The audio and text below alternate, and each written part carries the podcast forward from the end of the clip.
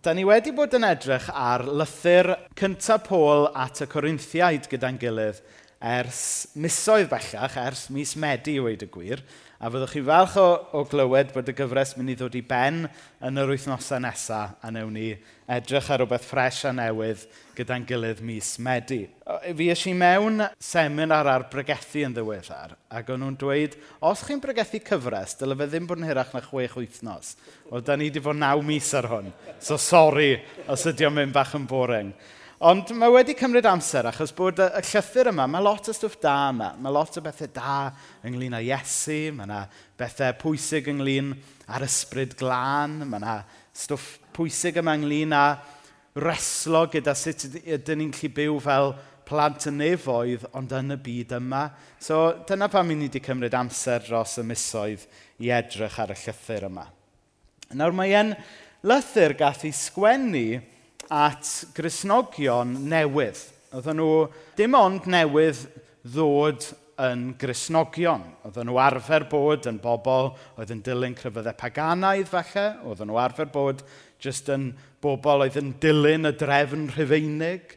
Um, oedden nhw'n bobl o wahanol gymdiroedd, ond oedden nhw nawr gyda'i gilydd fel plant i ddew, fel pobl oedd yn dilyn Iesu Grist. Ac felly, fel Cresnogion newydd, oedd gyda nhw lot i ddysgu.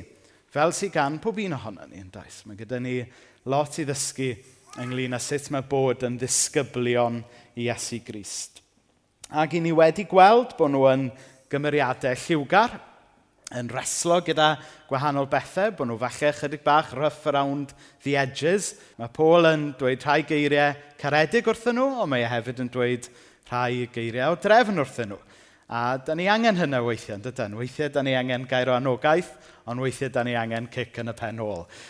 da ni gyd angen yn, yn, yn meithrin uh, mewn gwahanol ffyrdd ar wahanol adegau yn yn bywyd. Ac dros yr wythnosau diwethaf, ni wedi cyrraedd rhan o'r llythyr sy'n sôn ynglyn a cael yn llenwi gyda'r ysbryd glân – a, a bod ni wedi derbyn doniau neu rhoddion ysbrydol gwahanol. Ac so na i jyst wneud um, recap sydyn o be ni wedi edrych arno hyd yma. Oedd yr eglwys yma'n Corinth, oedd nhw wedi profi pethau mawr. Mae'r llyffur a hefyd yr adroddiad yn llyfr yr actau, neud yn amlwg bod nhw yn eglwys oedd wedi profi Dyw mewn ffordd grymus iawn Oedden nhw wedi cael eu llenwi gyda'r ysbryd glân. Oedden nhw, fel mae'r adnod yma'n dweud, mae'r neges am y Mesoea wedi gwareiddio yn ddofn yn eich bywyd chi. Mae gennych chi bob dawn ysbrydol sydd ei angen arnoch chi tra ydych chi'n disgwyl i'r arglwydd Iesu Grist ddod yn ôl.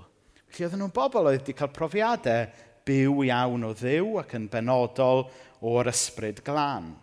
Dyna oedd eu cyd-destun nhw, oedd i yn ferw ysbrydol yna. Ond i ni wedi bod yn meddwl dros yr wythnosau diwetha, mae cyd-destun Cymru rhywfaint yn wahanol yn dydy. Er bod ni'n cofio dyddiau pan oedd na ferw ysbrydol yng Nghymru, a mi ydych chi sy'n licio hanes, falle wedi darllen am hanes diwygiadau mawr yng Nghymru, y gwir amdani heddiw, mae'n wahanol yn dydy. Does, er bod yna boceidiau o gyffro yn Eglwys Iesu Grist yng Nghymru. Yn gyffredinol, does na ddim cyffro enfawr nag oes mewn eglwysu trwy yn gwlad ni.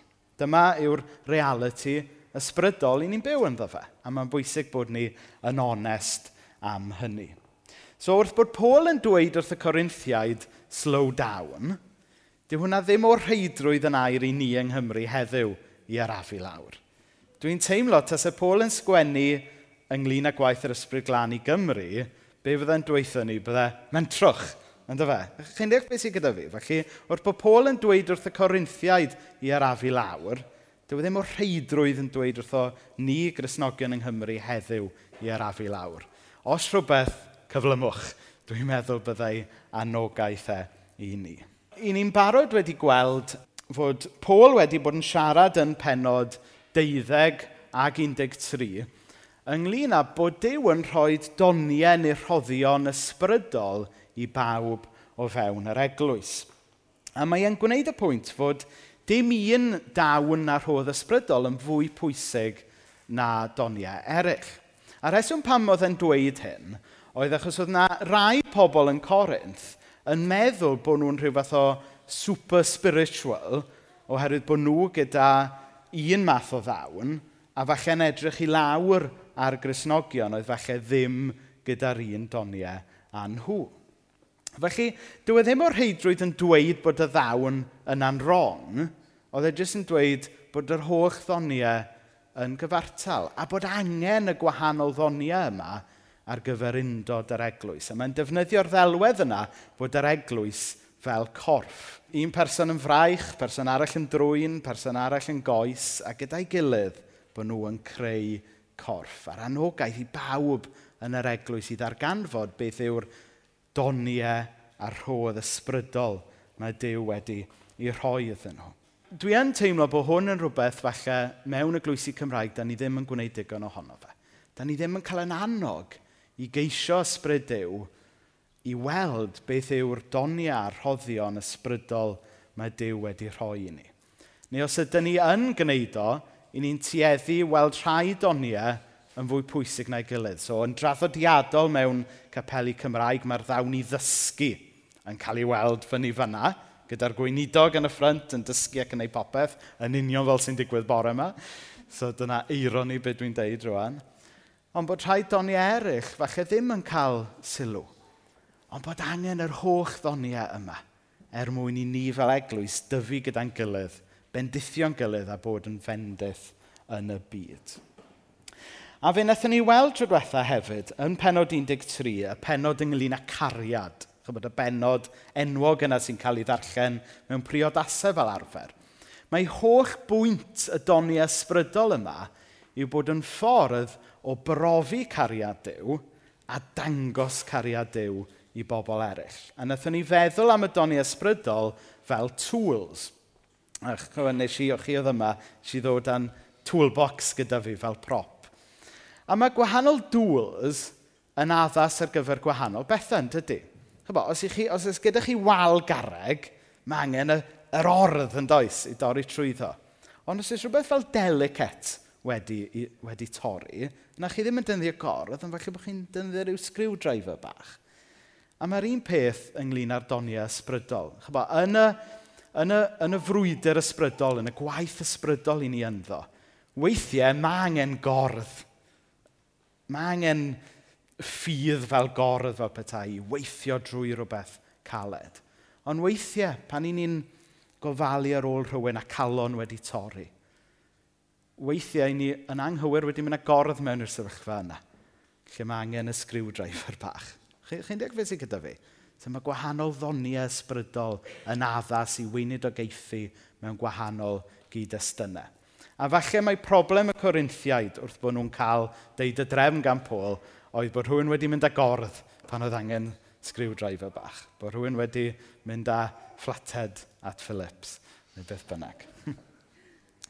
so, pwrpas y doniau yma ydy, ydy bod yn gyfryngau brofi cariad Dyw ac i helpu pobl eraill ddarganfod a profi cariad Dyw. Nawr, yn y rhan olaf o'r gyfres fach yma'n edrych ar y doni ysbrydol, i ni wedi cyrraedd penod 14. Felly mae'r darcheniad bore yma'n dod o ddechrau penod 14. Nawr, am wahanol resymau, dwi, dwi ddim yn ei drafod pob un o'r doni ysbrydol sy'n cael ei henwi yn y penodau yma gan Pôl. Mae yna sawl rheswm pam bod fi ddim mynd i wneud hynna. I ddechrau, mae yna wahanol rai ohonoch chi a mwy o brofiad o rhai o'r doniau yma na fi. Felly dwi'n dwi, teimlo bod yna bobl eraill yma yn fwy qualified falle i rannu ac esbonio beth yw rhai o'r doniau yma. Felly byddwn ni yn eich annog chi i drafod y doniau ysbrydol gyda'ch gilydd, trafod eich profiadau o'r gwahanol ddoniau ysbrydol. So mae hwnna'n un rheswm pam dwi ddim yn mynd i drafod pob un. Hefyd, dwi ddim yn mynd i fentro trafod pob un yn fanwl, achos dwi'n gwybod bod na ddealltwriaeth chydig bach yn wahanol o fewn yr eglwys am y gwahanol doniau yma. Felly dwi ddim o'r ffrynt fan hyn eisiau dweud mai dyma ydy dealltwriaeth a polisi yr eglwys ar hyn a'r llall. Chyfod. Dwi'n meddwl bod o'n beth iach bod ni mewn sgwrs gyda'n gilydd ynglyn â sut da ni'n deall a profi y gwahanol ddoniau yma. Dwi'n meddwl bod angen i ni ymhyfrydu mewn ffordd yn y gwahanol brofiadau sydd gyda ni o'r doniau yma. Ac yn olaf, dim ond 20 munud sydd gyda fi, nid chwech awr. Felly, beth dwi'n mynd i wneud ydy dilyn arweiniad Pôl mewn ffordd sydd yn Mhenod 14 yn trafod dau o'r doniau ysbrydol yn benodol, sef y ddawn i broffwydo a hefyd y ddawn i siarad mewn ieithoedd dieithyr, neu, fel mae'n cael ei alw weithiau, y ddawn i siarad mewn tafodau. Nawr, y beth cyntaf i ddweud yw bod Pôl, fel petaiau, yn trio dweud bod y ddawn i broffwydo yn fwy pwysig rhywsut na y ddawn i siarad mewn tafodau. Ac out of context, mae'n ymddangos fel mae dyna beth mae fe'n dweud.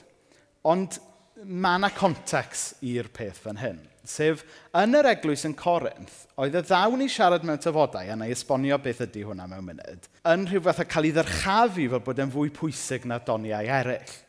Felly, dydy Paul ddim yn dweud bod dawn proffwyd yn bwysicach na'r ddawn i siarad mewn tafodau, be mae'n dweud yw bod angen i'r balans ddod yn ôl. Okay? So, so dyna'r dyna cyflwyniad. So, y ddawn gyntaf mae'n trafod yw y ddawn yma i siarad mewn tafodau.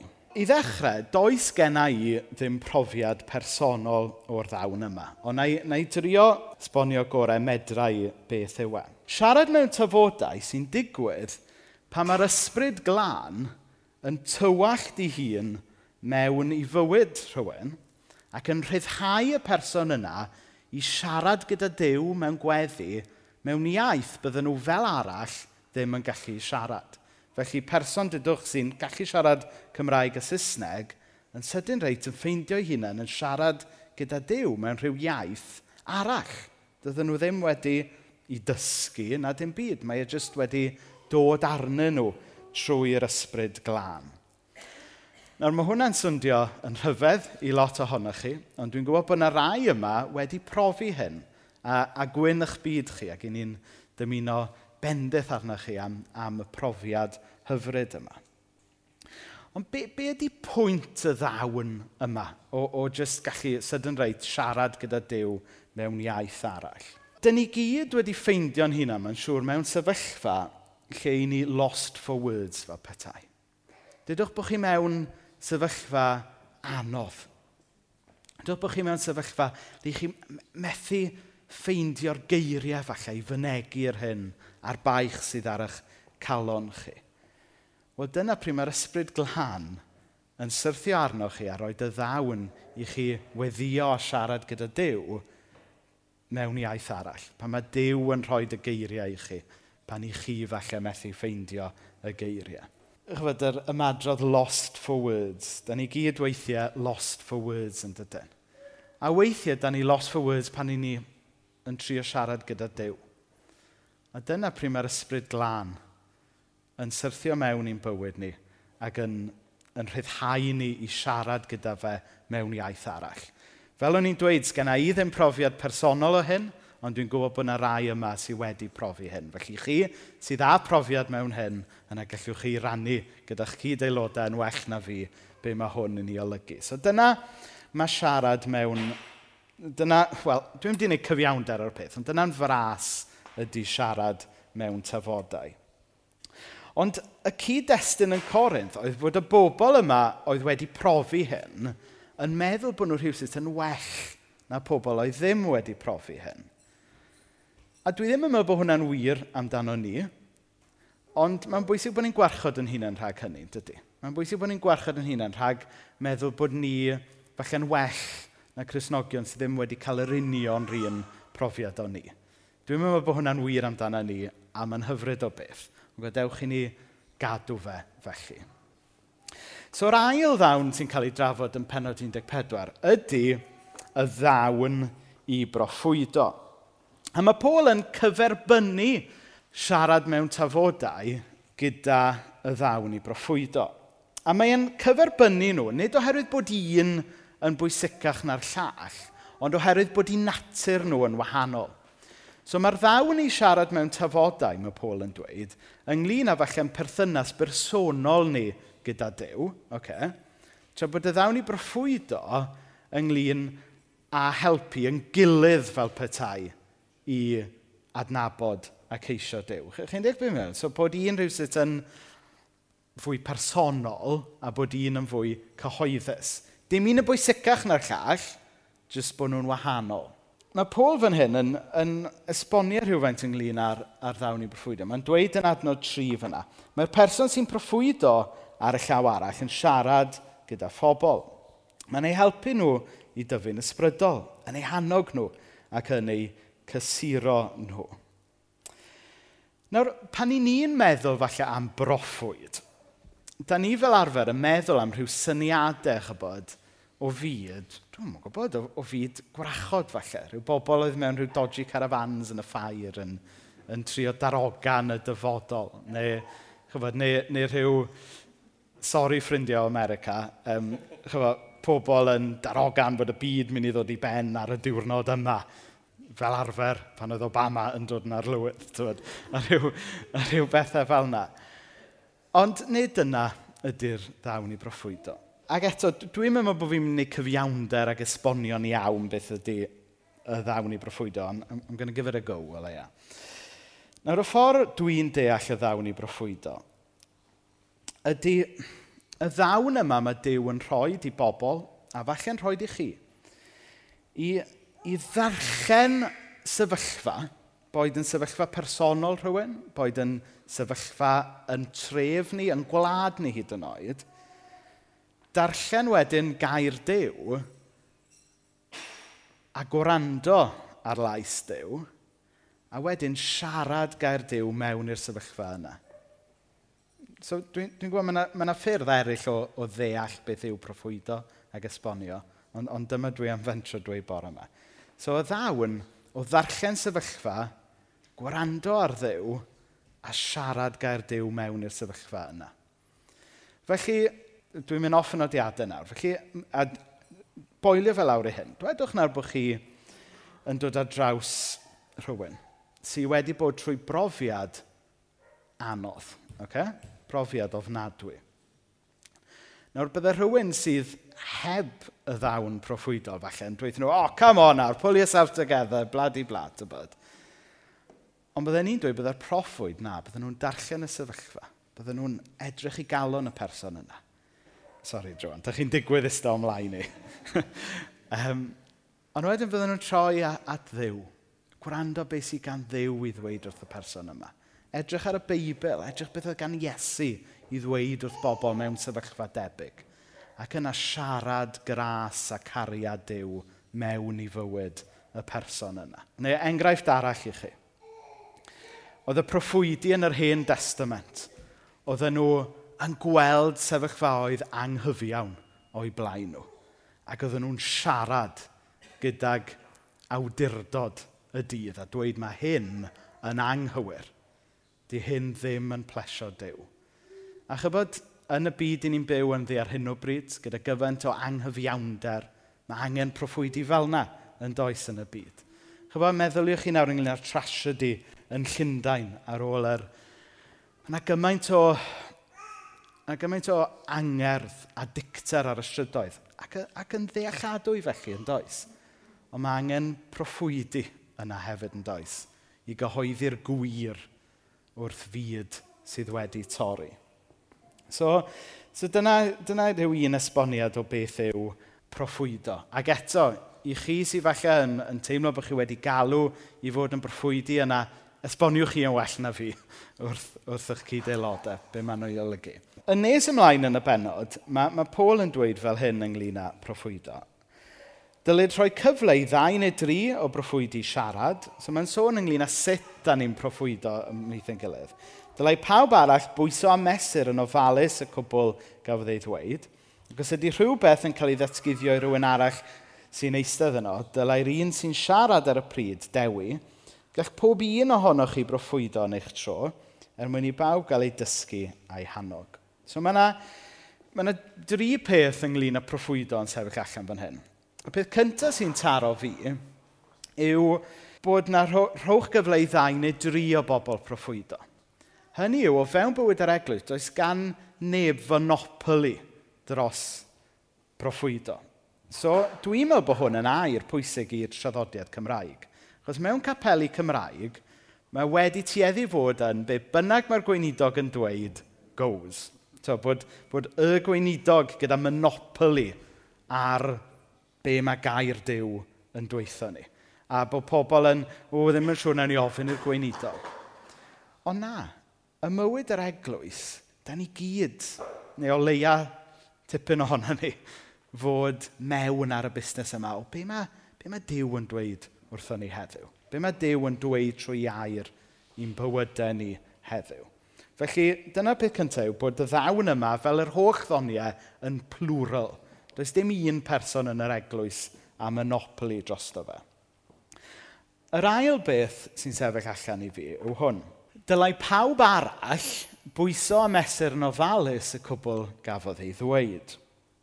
Dyma sy'n yn galluogi ni i bwyso a mesur os ydy be mae cyd Gristion yn dweud, os ydy e, yn dod gan ddew go iawn yn dyfa, ni'n pwyso a mesur yn gilydd. A ffordd i ni'n bennaf yn wneud hynna, di edrych i weld sy'n yn gyson gyda'r Beibl yn dyfau.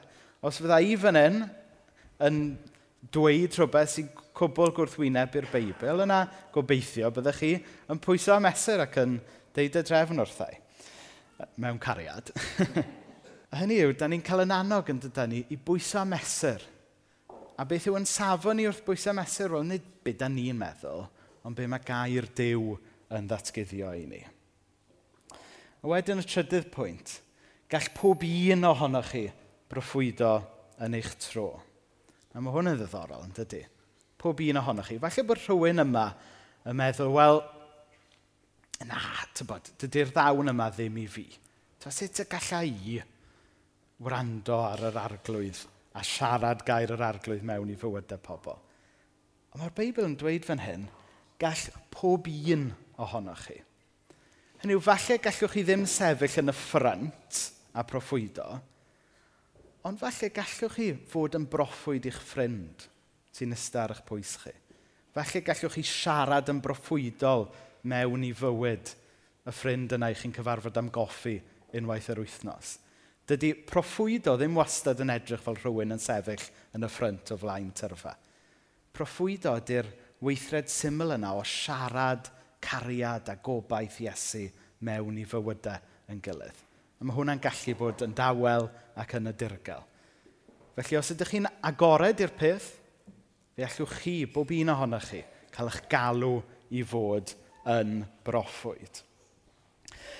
Nawr, be sydd yn yn rhwystro ni, felly, rhag derbyn yr ysbryd glân i dderbyn rhai o'r doniau yma? Oedd yr eglwys yng Nghorinth, fel o'n i'n dweud, yn ferw o fywyd, ond mae'n wahanol yng Nghymru, yn dydy. Dydyn ni ddim yn profi y pethau mawr yma fel oedden nhw yn, yn Corinth. Tybed a oherwydd bod ni fel Cresnogion yng Nghymru wedi bod yn esgeluso yr ysbryd glân. I ni'n bobl, y tad, y mab, ond i ni'n anhofio am yr ysbryd glân. Da ni'n tueddu fod falle yn bobl y tad, y mab a'r Beibl. A mae'r Beibl yn bwysig. Da ni'n tueddu fod yn bobl y tad, y mab a'r iaith Gymraeg. A mae'r iaith Gymraeg yn bwysig. Ond mae'r Duw eisiau ni fod yn bobl y tad y mab a'r ysbryd glân. A dwi'n meddwl yn, yn Cresnogaeth Gymraeg ni bod ni'n esgyluso yr ysbryd glân. A, a beth sydd tu ôl hyn? Wel, dwi am awgrymu tri peth. Y peth cyntaf, falle, yw amheuaeth. Bod ni'n ame. O, falle bod Dyw ddim eisiau gwneud dim byd mawr yn ymplith ni. Oedd dew arfer wneud pethau mawr yng Nghymru slawer dydd, ond chyfo, mae wedi symud ymlaen i China erbyn hyn. Felly bod yna amheuaeth. So dyna falle'r peth cyntaf. Mae angen i ni roed yr amheuaeth a mae angen i ni gredu bod Dyw yn gallu gwneud pethau rhyfeddol ymhlith Cresnogion Cymraeg eto. Yr ail beth falle yw ofn. Falle bod ni... Falle bod ni'n Felly bod ni eisiau ysbryd glân ddod, ond i ni bach yn ofni sut bydd e'n edrych fel pan bydd e'n troi lan. Felly bod ni eisiau ceisio dew, felly bod ni yn ceisio'r ysbryd glân, ond i ni'n ofn falle be fydd yn ffrindiau neu'n teulu ni'n meddwl os newn ni brofi rhai pethau. Felly bod ni yn ofn be fydd yn golygu'n bywyd ni. Bydd yn bywyd ni'n dilyn cyfeiriad gwahanol. Felly bod ni'n gyfforddus yn ffordd ni'n byw yn bywyd nawr. So dyna'r ail beth. Felly bod ni yn ofn be fydd e'n edrych fel pan fydd Dyw yn symud mewn ffordd nertho. A'r trydydd peth, a dwi'n meddwl mai hwn sy'n fwy o pwysig, sef falle bod yna deimlad ymhlith Cresnogion yng Nghymru o anigon, anigonolrwydd. in, a, in, oh, dwi'n meddwl dweud y Saesneg chwaith, inadequacy. Sef y syniad yma, oh, wel, dwi ddim digon da. Dydy Dyw ddim eisiau nefnyddio i. Fedra i, fedra, sef, pa ddefnydd gallai i fod yng ngwaith Dyw heddiw? Ond y peth ydy, pobl fel ni mae Dyw eisiau i defnyddio. Di Dyw ddim yn galw pobl berffaith. Dyw oedd yn galw pys pysgotwyr. Dynion oedd ddim wedi cael diwrnod o goleg.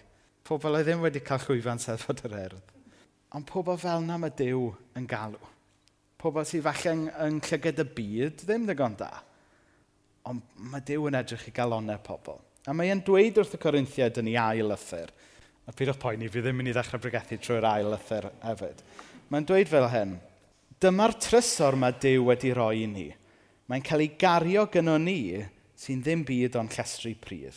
Ffaith sy'n dangos mai o ddew mae'r grym anhygoel yma'n dod – dim ohono ni.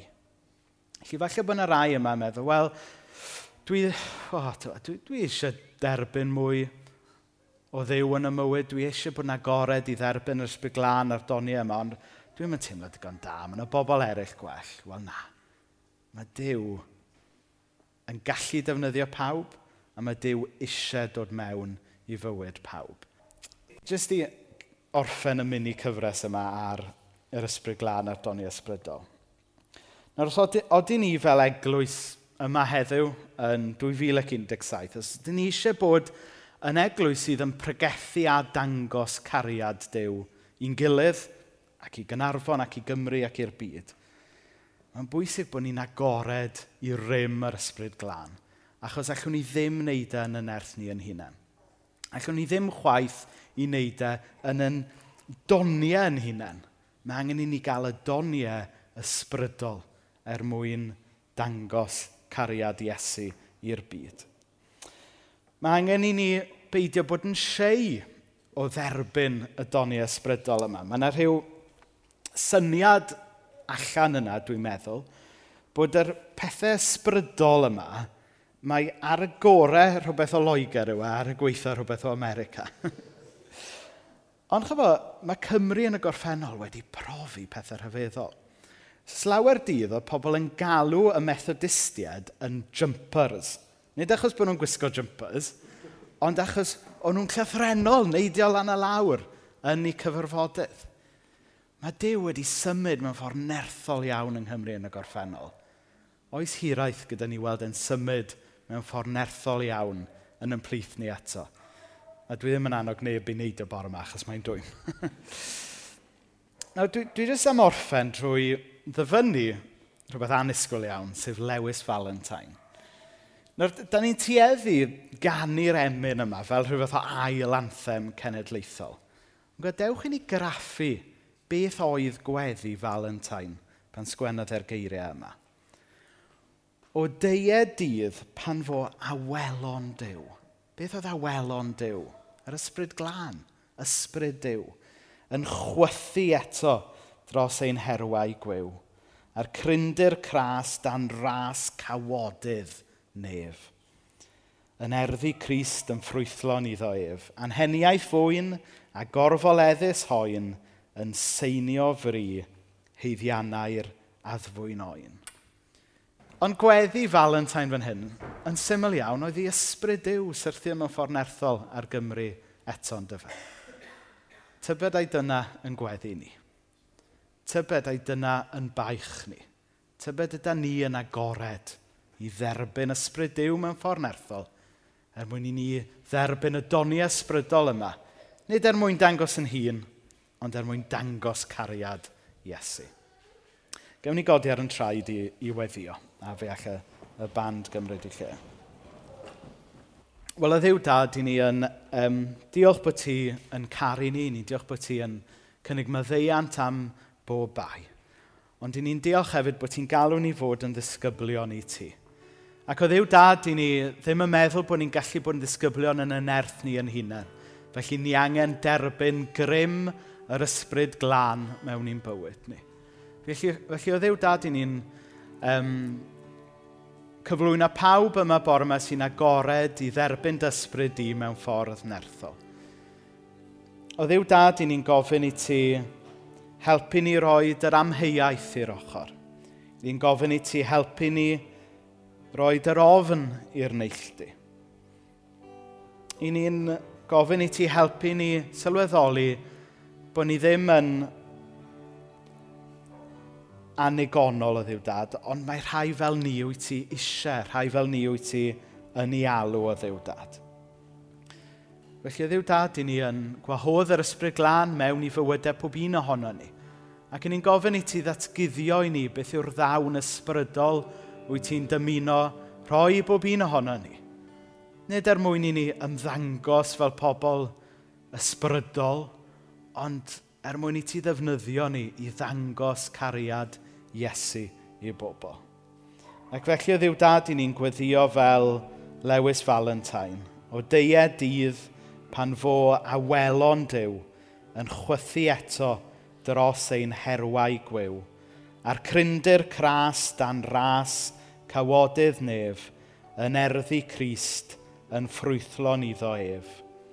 Anheniaeth fwyn a gorfoleddus hoen yn seinio fri heiddiannau'r addfwy'n oen. Mae'r band mynd i'n harwen i mewn emyn nawr sydd yn gwahodd yr ysbryd glân mewn yma. Ac os oes rhywun eisiau gweddi bellach ar y diwedd fe, fe fydda i o gwmpas y blaen fan hyn.